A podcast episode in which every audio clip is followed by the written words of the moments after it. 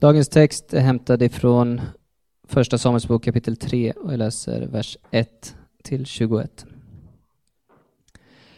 Den unge Samuel tjänade nu Herren under Elis uppsikt. På den tiden var det ovanligt att Herren talade till människor och profetsyner förekom sällan. Då hände en gång följande. Eli, vars ögon nu blivit så svaga att han inte kunde se, låg och sov på sin vanliga plats. Tempellampan var ännu inte släckt och Samuel låg och sov i Herrens tempel, där Guds ark stod. Då ropade Herren på Samuel. Här är jag, svarade han, och han sprang bort till Eli och sa, Här är jag, du ropade på mig. Men Eli svarade, jag har inte ropat, gå och lägg dig igen. Då gjorde han det. Än en gång ropade Herren på honom. Han steg upp och gick bort till Eli. Här är jag, du ropade på mig. Men Eli svarade, Nej min son, jag har inte ropat, gå och lägg dig igen. Samuel hade ännu inte lärt känna Herren och ännu inte fått ta emot hans ord. För tredje gången ropade Herren på Samuel, som åter steg upp och gick bort till Eli. Här är jag, du ropade på mig. Nu förstod Eli att det var Herren som ropade på pojken. Och han sa till Samuel att lägga sig igen, och om någon ropar på dig ska du säga, tala, Herre, din tjänare hör. Samuel gick tillbaka och la sig. Då kom Herren och ställde sig där och ropade som förut, Samuel, Samuel. Och han svarade, tala, din tjänare hör. Då sa Herren till Samuel, jag ska göra något i Israel som kommer att skrälla i öronen på alla som får höra det. Den dagen ska Eli och hans släkt drabbas av det som, ska, som jag har hotat med. Allt ska uppfyllas, från början till slut. Jag ska låta honom veta att min dom över hans släkt står fast för all framtid, eftersom han har syndat och inte, och in, inte ingripit mot sina söner. Han visste ju att de visade mig förakt. Därför har jag svurit att inga offer eller gåvor någonsin ska kunna sona den skuld som tynger Elis släkt. Samuel låg kvar tills det blev morgon, då han öppnade dörrarna till Herrens hus. Men han vågade inte berätta om sin uppenbarelse för Eli. Men Eli ropade på honom, Samuel, min son. Här är jag, svarade Samuel. Och Eli frågade, vad sa han till dig? Du får inte dölja någonting för mig. Gud ska, ska straffa dig nu och framgent om du förtiger ett enda ord av det som han talar till dig. Då berättade Samuel allt sammans för honom och dolde inte något. Och Eli sa, han är Herren, han gör vad han vill. Samuel växte upp och Herren var med honom och lät allt vad han sagt gå i uppfyllelse. Det blev klart för hela Israel från Dan till Bersheva att Herren hade betrott Samuel med att vara hans profet. Herren fortsatte att visa sig i Kilo. Genom sitt ord uppenbarade han sig där för Samuel och vad Samuel sa nådde ut till hela Israel. Det är Guds ord till oss idag. Varsågod och sitt och varsågod Brad. Tack så mycket. Bra jobbat ni som orkade stå och läsa eller höra hela 21 verser och bra gjort Linus eh, som tog det igenom. Eh, det är en ganska rejäl eh, text här som vi har läst och ehm, vi kommer titta på den här. Förra veckan så inledde vi den här nya serien och då då var det Daniel som målade med lite bredare penseldrag, eh, en introduktion till ämnet uppvaknanden, som handlar om personliga och kollektiva väckelse. Eh, men idag så ska vi kolla mer på en specifik person, och det kommer vara så under den här serien, att ibland ser vi en individ, ibland ser vi en grupp människor, eh, ibland ser vi både och. Eh, och idag är det just Samuel. Och utifrån den här texten så ska vi titta på hur han lär sig att lyssna, att lyda och att leda.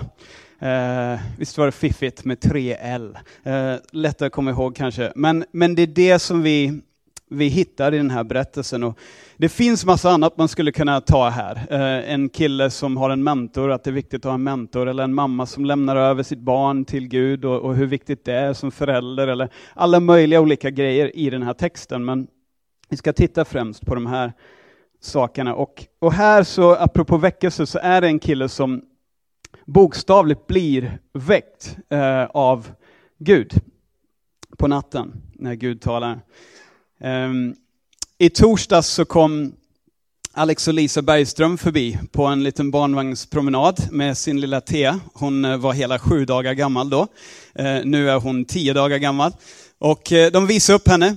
Och man gör det man brukar göra som förälder då, att man börjar prata, ja men hur går det, liksom, funkar det, sover ni någonting, liksom, hur, är, hur är nätterna? Jag kommer ihåg hur det var när min första son Leon föddes. Eh, och när vi fick hem honom från eh, BB i, i Birmingham i England där vi bodde. Första natten han låg eh, i, på vårt rum och man inser att här finns liksom en, en hel human being, en, en mänsklig varelse som ligger i det här rummet med oss. Och det är liksom upp till oss att se till att han överlever, att han, han klarar sig. Eh, och jag tror ärligt talat att jag kanske sov fem minuter på hela den första natten. För att hela tiden så är det så, ja men andas han? Eh, eh, ligger han bra? Ska man ligga på mag? Ska man ligga på rygg?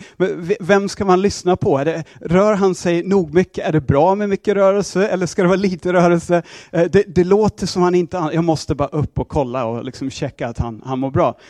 Eh, men efter ett tag så kommer man in i det eh, om inte annat så blir man så sjukt trött som småbarnsförälder att man bara somnar liksom sådär för att man, man eh, lider av brist på sömn. Men, men det som händer är att man går över till någonting där man, man, man har rattat in liksom våglängden. För man, man har umgåtts med det här barnet, man vet hur de låter, man vet vad ljuden betyder. Och man har någon slags instinktiv liksom inbyggd ja men det där, det där låter som att de behöver någonting. Eh, alla föräldrar vet precis vad jag pratar om. Och mitt i natten så kan de göra minsta lilla ljudet och man stensover, men man vaknar ändå för att man har liksom rattat in. Eller i varje fall mammorna har gjort det. Eh, vi papper vi hävdar att det här handlar om hormoner som bara finns hos kvinnan och att liksom pappa han, han, han lär sig aldrig det där. Liksom. Och Ibland blir man påkommen när man ligger där och liksom låtsas sover fast man är klarvaken när barnet ropar och skyller ifrån sig med att man ändå inte kan amma eller något sånt. I varje fall har jag hört att andra män har gjort sådär ibland. Men, eh, men man lär sig efter ett tag att höra och uppfatta vad ljuden betyder eller liksom eh, vad olika saker innebär. Och och här är det tvärtom i den här berättelsen. Det är inte ett barn som väcker en, en mamma eller pappa, utan det är pappa Gud som väcker barnet Samuel. Och eh, i början så känner inte Samuel igen det här. Han, han känner inte igen liksom rösten. Det står i första Samuel 3 och 7 som vi läste. Samuel hade ännu inte lärt känna Herren och ännu inte fått ta emot hans ord. I Svenska folkbibeln så står det att han kände inte Herren än och Herrens ord hade ännu inte blivit uppenbarat för honom. Men han får ett uppvaknande. Och vi ska titta på det idag och under serien. Vad, vad händer när Gud väcker en människa? Vad händer när Gud väcker ett helt folk? Vad händer när Gud väcker ett helt land? Vad kan hända då när man blir väckt? Jag vet inte vad du har för association med ordet väckelse. Själv så... Det, det finns jättesköna associationer och sen finns det vissa associationer som man kanske, ja men, man kanske använt det eller hört det användas på fel sätt eller i fel sammanhang eller så. Men låt oss strunta i det, precis som Daniel sa förra veckan, och tänka, vad betyder det ordet? Jo, det betyder att, att väckas, att vakna, att vara vaken. Och det leder till att man ser igen, att man, eh, man får klarhet, att saker som varit dunkla, att de, de, de blir lättare att uppfatta, att det blir klarare. Och som Daniel sa förra veckan, så något som är dött eh, eller som sover har svårt att väcka sig själv till liv. Så det här handlar inte om någonting vi kan prestera fram. Det här kommer inte landa den här predikan idag i att gör du bara de här sju grejerna, då, då kommer du liksom väcka dig själv, eller då, då kommer du på något sätt liksom få en personlig väckelse. Det finns inga recept på det sättet, men det finns vissa saker som man ser som liksom en röd tråd eller gemensam nämnare. Och det är det vi ska titta på. Jag tror att att ha en längtan, att vara framåtlutad, att ställa sig till Guds förfogande. Eh, Samuel var i templet, han var på en plats där det var lättare med en mentor, någon som kunde vägleda. Lättare för honom att uppfatta vad är det som Gud säger och så kan det vara för oss också. Vi ser också att han, precis kapitlen innan, han har överlämnats av sin mor som har lovat Gud, om jag får ett barn, då ska jag ge honom till dig. Om du ger mig ett barn, jag, jag ger mitt barn till, hon, till, till, dig Gud. Så han har vuxit upp i, i templet, eller vuxit upp i kyrkan, som man skulle kunna säga. Men ändå så har han inte lärt känna Guds röst än. Så det, det är möjligt, och jag kommer inte stanna där, men det är möjligt att vara i templet eller vara i Guds hus och ändå inte höra Guds röst. Och det, det tror jag är värt att, och komma ihåg och ta med sig. Att det krävs ännu mer. Det kan hjälpa att vara på rätt ställe, men eh, det kräver någonting mer än det. Och det är det vi längtar efter. Jag tänkte bara titta på tre saker. Det första är från vers 10. Tala din tjänare hör. Och första punkten är att lära sig att lyssna. Att lära sig att lyssna. Jag kommer lägga mest tid här och lite kortare tid på de andra två. Men som sagt, Samuel, han var i en situation, eller en position, där det var lite lättare att uppfatta det Gud sa. Det sker inte på automatik, men lite lättare. Och jag tror att ofta handlar det om att göra utrymme i sitt liv för Gud att tala. Att skapa plats och vara på platser där det är lättare. Att prioritera på ett sätt så han får möjlighet att faktiskt säga det han vill säga. Jag tror att det börjar mycket med oss. Det är inte vi som gör det, men det, det finns en, liksom en hållning som man kan ha, där man längtar. Eller man, man kanske inte längtar, men man längtar efter att längta, som en del av oss säger ibland. Man, man har en hållning, man vill gärna höra från Gud. Och min erfarenhet, det är att när jag känner att Gud inte talar, så är det inte så att Gud inte talar. Det är oftast så att jag inte lyssnar. När jag känner att Gud inte talar så är det oftast jag som inte lyssnar. Vi var på barnkalas igår. Leon, han fyllde sex år. Um, han överlevde alltså den där första natten efter BB. Uh, eh, och är nu sex år och sex veckor. Det tog sex veckor att få till barnkalaset. Uh, fyllde i början på augusti. Men igår blev det av. Och vi hade 18 barn och uh, ett gäng vuxna. Och det var kaos. Det var, ja ni hör en förälder, en erfaren förälder som bara, hur tänkte du?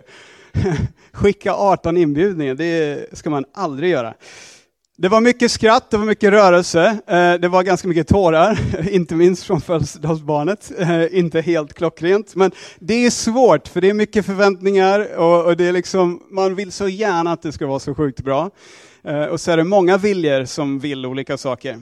Eh, vi hade jättetrevligt, men Sara sa det när hon kom hem att Brad, man, visst känner man på rösten att att man har varit med ett helt gäng barn idag. Man, jag känner bara liksom det är lite slitet i rösten. Sådär.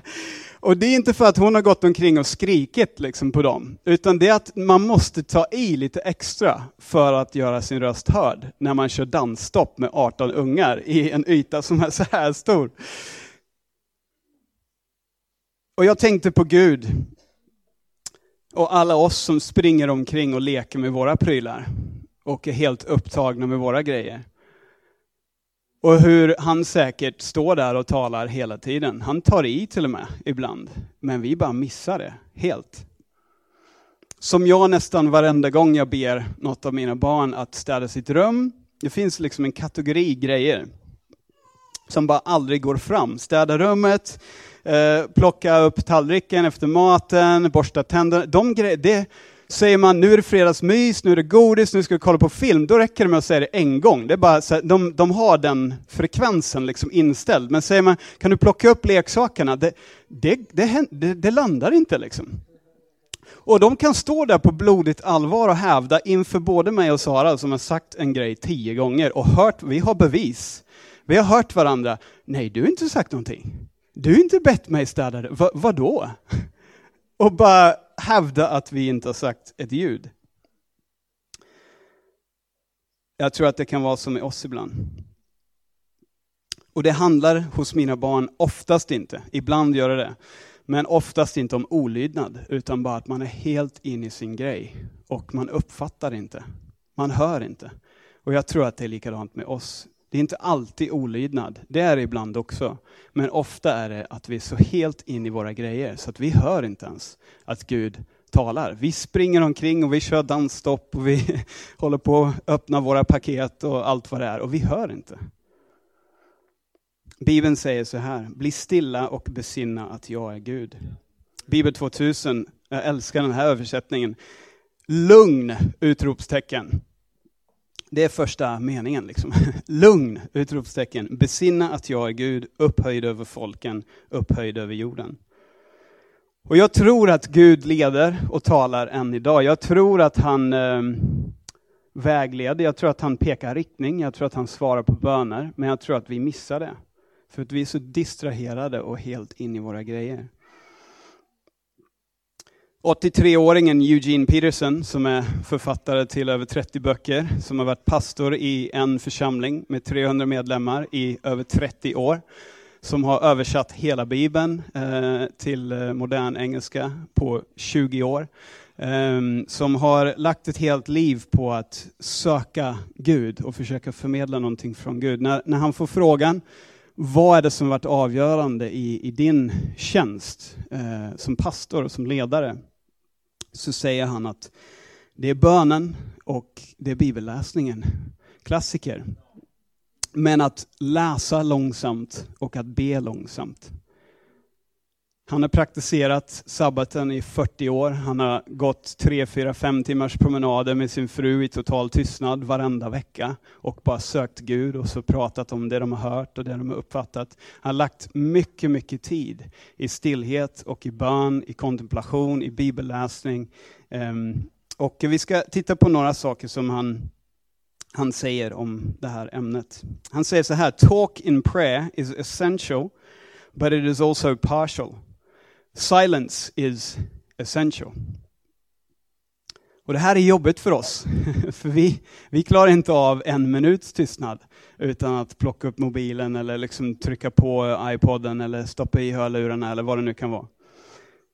Men han säger likadant, inte bara om bönen, utan bibelläsning, att det handlar inte bara om att samla fakta eller liksom ta sig igenom kapitel efter kapitel, utan långsam läsning av Bibeln, där man bjuder in Gud och sig själv in i, in i den här texten. Och han säger, the goal of reading the word is to listen for the voice of God, the God who speaks. Jag tror att det finns ett aktivt lyssnande, en strävan efter att lägga märke till det Gud gör och det Gud säger. I ordet, i omgivningen. Ehm, och jag tror att vi behöver lära oss att, vara, att vakna, att vara uppmärksamma och uppfatta. Jag fick en fin liten bok av Filip.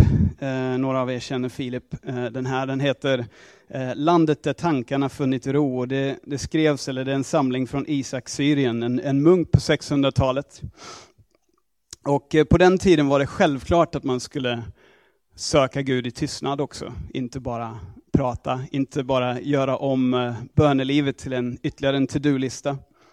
Och han säger så här, den som iakttar tystnad uppenbarar Guds mysterier. Man får alltså svar på och ledning i saker man inte kan uppfatta annars. Men den som är snar till att tala avlägsnar sig från sin skapare. Den som är snar till att tala avlägsnar sig från sin skapare.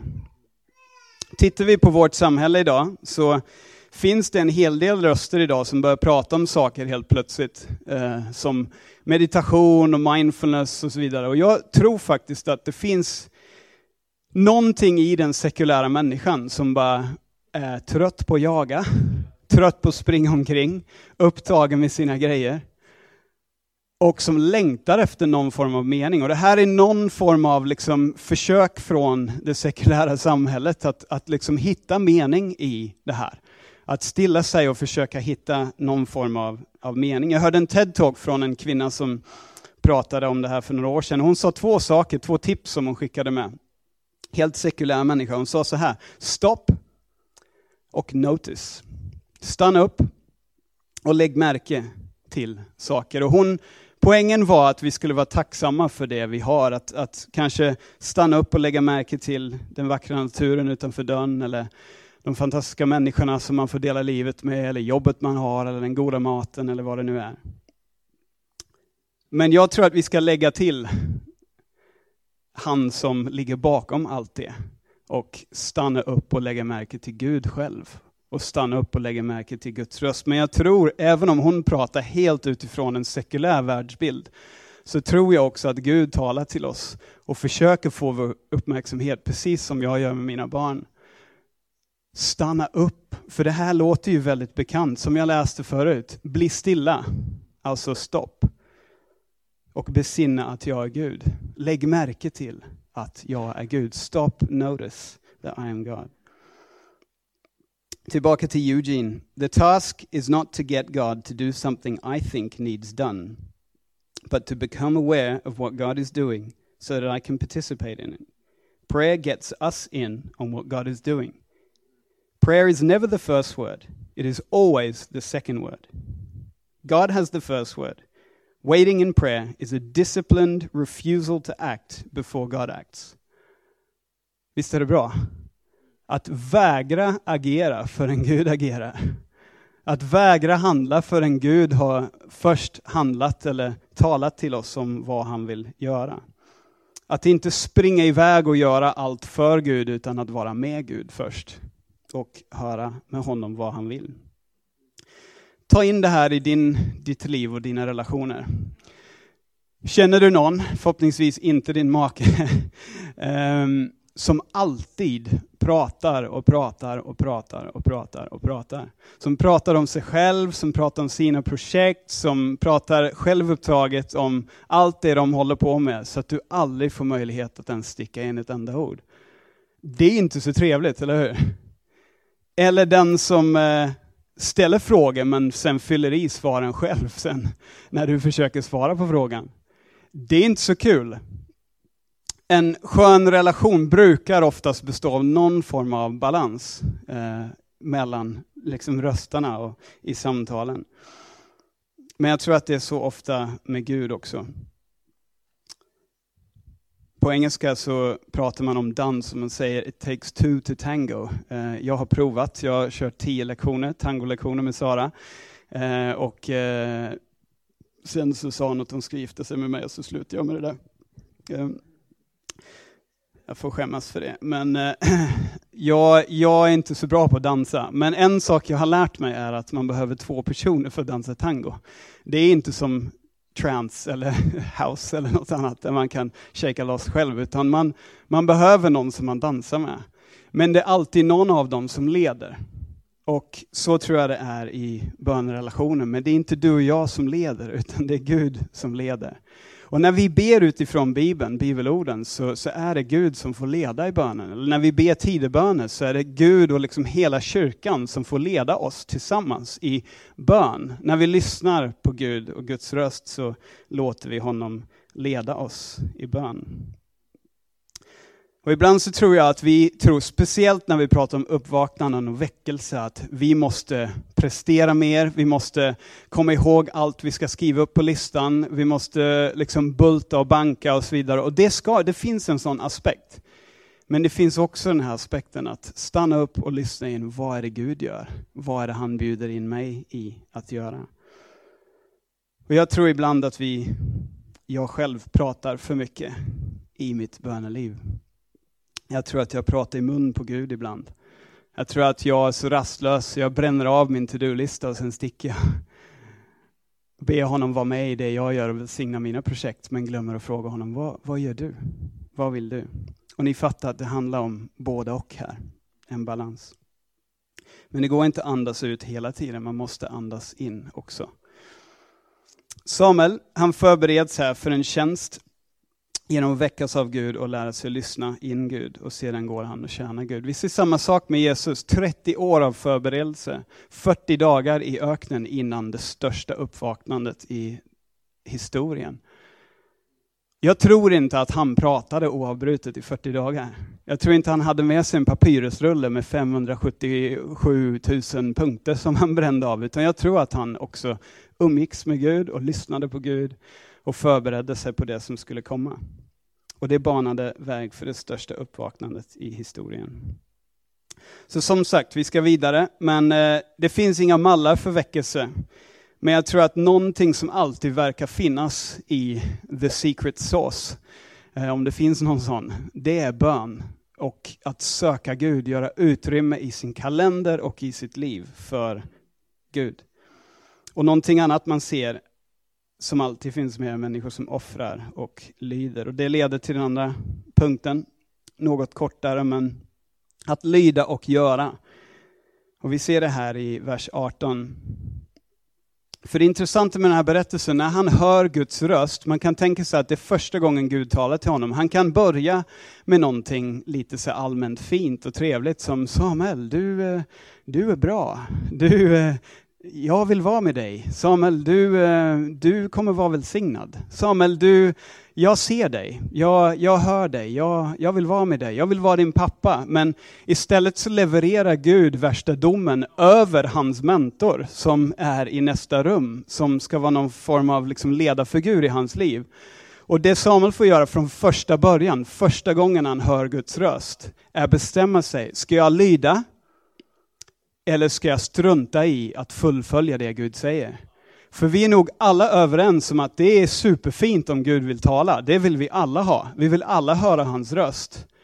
Men det vi ser hos Samuel är att han också agerar på det han hör. Och han måste ta ett beslut. Levererar jag en dom över min mentors hus här? För att det är det Gud har bett mig göra? Eller håller jag tyst? Och vi ser det gång på gång i hans liv. Han vill inte ha någon mänsklig kung eller någon jordisk kung. Han tycker det räcker med att Gud är kung. Men folket tjatar på Gud och säger vi vill ha en kung och till slut så säger Gud okej, okay, ni får en kung. Och vem får uppdrag att smörja kungen? Saul? Jo, det är Samuel, fast han inte vill det. Och han får bestämma sig att nej, Gud säger det här, jag måste göra det. Och sen är det dags för David, för Saul har misskött sig. Han vill inte gå vidare. Han är ju liksom, nu är han så ja men jag har smöjt den här mannen. Liksom, han är jag har gjort det här, jag kan inte ta tillbaka det. Och Gud säger, nej men släpp det nu, nu gör jag något nytt. Han säger till och med så här, hur länge tänker du gråta över Saul? Jag har förkastat honom. Och så ber han honom smörja David. Och man ser gång på gång på gång att ordet han får för med sig också en handling. Han måste göra någonting med det. Och kan det inte vara så ibland för oss att vi springer runt och eh, låter bli att stilla oss inför Gud och lyssna in det han säger för att vi är lite rädda för vad han kommer säga. För att vi är lite rädda för, oj, tänk om det finns för höga odds på det här när han ber mig göra någonting och jag, jag känner att det är lite obekvämt. Men jag tror att det är ganska viktigt att ställa sig den frågan inför en serie som det här, en höst som det här, när vi pratar om uppvaknanden. För det som alltid syns, som sagt, i the secret source, det är bön, men det är också folk som offrar och lyder det som Gud säger. Och med risk för att låta lite cheesy, så man har hört det här många gånger, tala Gud, din tjänare hör. Men det vi ser i Samuels liv är också tala, din tjänare gör. Och det är det som är följden av att han hör från Gud. Vers 4. Samuel gjorde som Herren hade sagt. Han lyssnade inte bara för sin egen underhållning eller sin egen uppbyggelse, utan han gjorde det som Gud sa. Och låt oss då inte bortförklara den här berättelsen med att nej, men han är en stor profet i Gamla Testamentet. Det, det har inte med mig att göra. Det var ett unikt tillfälle, en unik händelse. Gud liksom talar på ett speciellt sätt för han var profet. Men det, det har inte med mig att göra. För jag tror det finns saker vi kan lära oss av den här berättelsen. Och det vi ser, han lyssnar och sen så lyder han och gör någonting. Och det får påverka hela landet. Och sista punkten är att leda och beröra landet. Vers 21, sista versen som Linus läste. Genom sitt ord uppenbarade han sig där för Samuel, och vad Samuel sa nådde ut till hela Israel. Varför blev Samuel en stor profet och ledare? Det var inte för att han var stark som Saul. Han var inte bra med vapen, varken svärd eller stenar och slungor. Han var inte en person med massa bra contacts med mäktiga människor. Han var inte ens den mest strategiska personen. Han var en stark ledare för hela sitt folk och land av en anledning. Och det är att han lärde känna Gud och lärde känna igen Guds röst. Där var hela tyngden, hela pondusen i hans ledarskap. Och jag tror så här att vi som församling, ni ser själva, vi kommer inte förändra och beröra Stockholm för att vi är så många. Eller för att vi är så rika, eller för att vi är så inflytelserika. Eller så duktiga. Men längtar vi, hungrar vi, söker vi Gud, gör vi utrymme i våra liv för att lyssna, försöka uppfatta, försöker vi hjälpa varandra att höra Guds röst, både för oss som individer men också som grupp. Och agerar vi sen på det, så tror jag faktiskt att vi kan påverka folket och staden. Inte kanske hela, men delar av det. Delar som Gud har tänkt att vi ska beröra.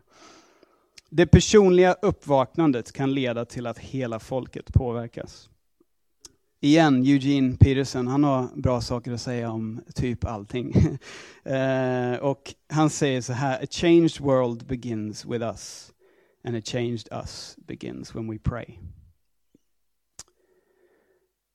Vi ska avrunda alldeles strax.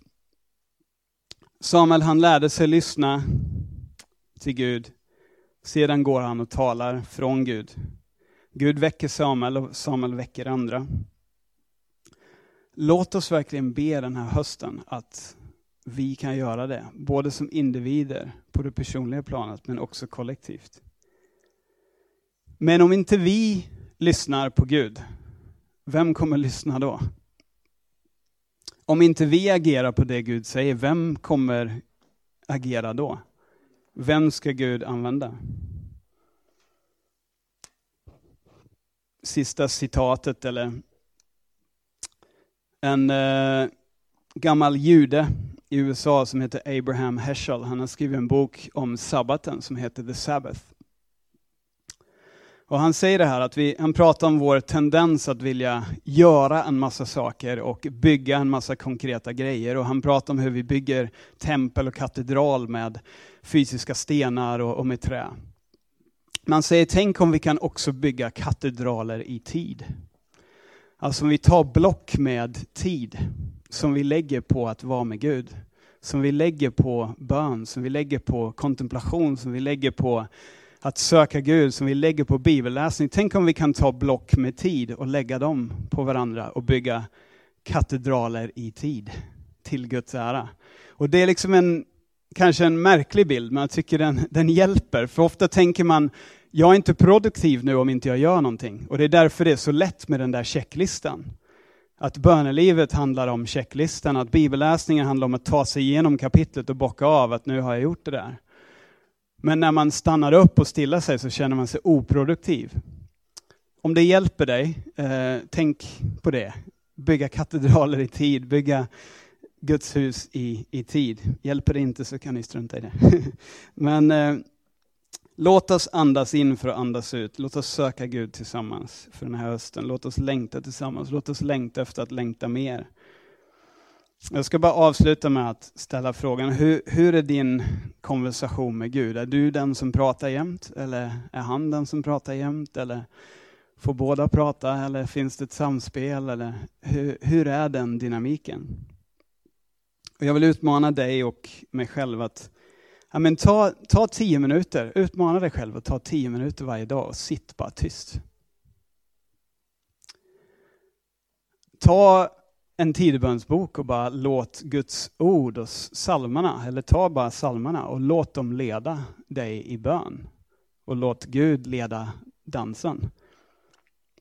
Gör som folk har gjort genom hela historien och gör det som kallas lectio divina, där man läser långsamt Bibeln, inte bara som faktainsamling eller eh, information, utan en berättelse som man själv bjuds in i och där man också bjuder in Gud att vara med i läsningen. Och, och sitt och läs Bibeln med en penna och med ett block och läs långsamt och, och skriv det som du, du hör, som du känner. Lägg tid i templet, kom på gudstjänst, kom på bönen, kom på connect eller vad det nu kan vara. Så att du är i ett forum där det är lättare att uppfatta Guds röst. Låt oss tillsammans göra det vi behöver göra för att skapa utrymme för Gud och tala in i våra liv. Vi ber. Gud, jag tackar dig för din röst, nåden, att vi som vanliga människor ens kan tänka tanken att vi kan föra ett samtal med dig, att vi kan ha med dig att göra. Jag tackar dig för nåden att trots våra otillräckligheter så, så får vi komma inför dig genom det som Jesus har gjort för oss. Vi tackar dig för den nåden och Gud, jag ber att vi inte ska vara som mina barn ibland, att vi är så otroligt upptagna med våra egna projekt att vi inte ens hör när du ropar på oss, när du kallar på oss. Gud, låt oss uppfatta din röst. Låt oss, precis som Samuel, tränas av varandra och av dig att, att uppfatta, att förnimma, att höra. Och Gud, när vi vägleds av ditt ord, av bönerna, av um, tid själva med dig och tid tillsammans med dig Gud. Låt oss också vara villiga att göra det du säger och lyda dig Gud. Inte bara ta emot ditt ord för vår egen skull utan också handla på det. Och Gud, jag ber att precis som med Samuel så ska vi få se när du använder oss personligen men också som grupp att beröra människor i vår närhet. Gud. Låt det vara sagt om oss att vi har med dig att göra. Precis som de sa de första lärjungarna, man, man, man såg att det var någonting. De kunde inte låta bli att och prata om det de hade sett och hört och den de hade varit med, det de har varit med om. Och Gud, jag ber att människor ska, ska säga det om oss, inte för vår skull utan för deras skull, att de ska få möta dig genom oss Gud. Att vi ska få beröra den här staden, delar av den här staden. De platser där vi bor och de människor vi berör Gud. Jag ber i Jesu namn.